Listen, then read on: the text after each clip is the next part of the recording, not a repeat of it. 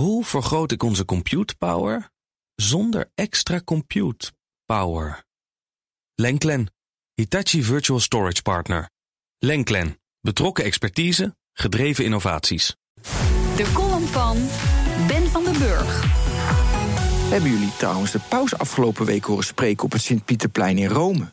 Ik word er moedeloos van als ik hier op het plein of in de basiliek een mis opdraag en zoveel mobiele telefoons boven de hoofden zie uitsteken, zei de paus Franciscus.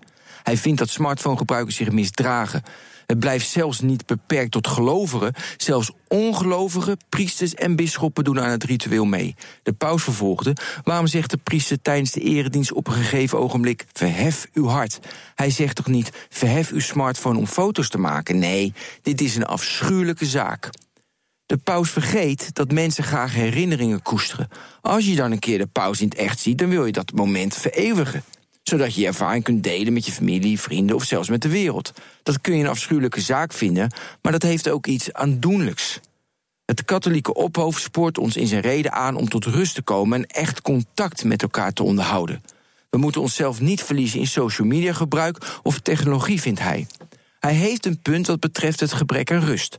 Maar om een verslavend algoritme in je telefoon daarvan de schuld te geven, is een beetje makkelijk. Je geeft de uitvinding van vuur ook niet de schuld van een brand in een kippenboerderij. De Argentijnse paus definieerde niet wat hij onder echt contact verstaat. Waarschijnlijk doelt hij op een gesprek voeren waarbij je luistert naar elkaar met je aandacht erbij, waarbij je gedachten niet afdwalen.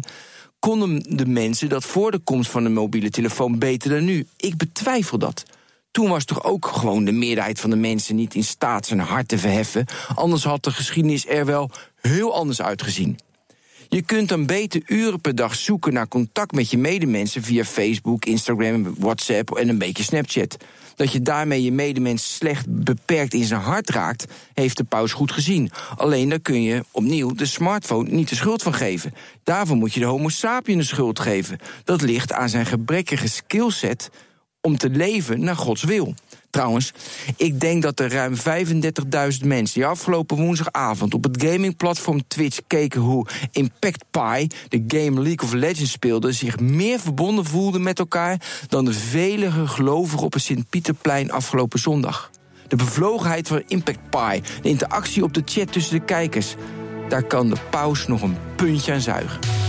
En dat zei Ben van den Burg, onze columnist op vrijdag. En u kunt zijn column terug hoe maak ik van ons VMware-platform een on-prem AI-platform? Lenklen, NVIDIA AI Enterprise Partner. Lenklen, betrokken expertise, gedreven innovaties.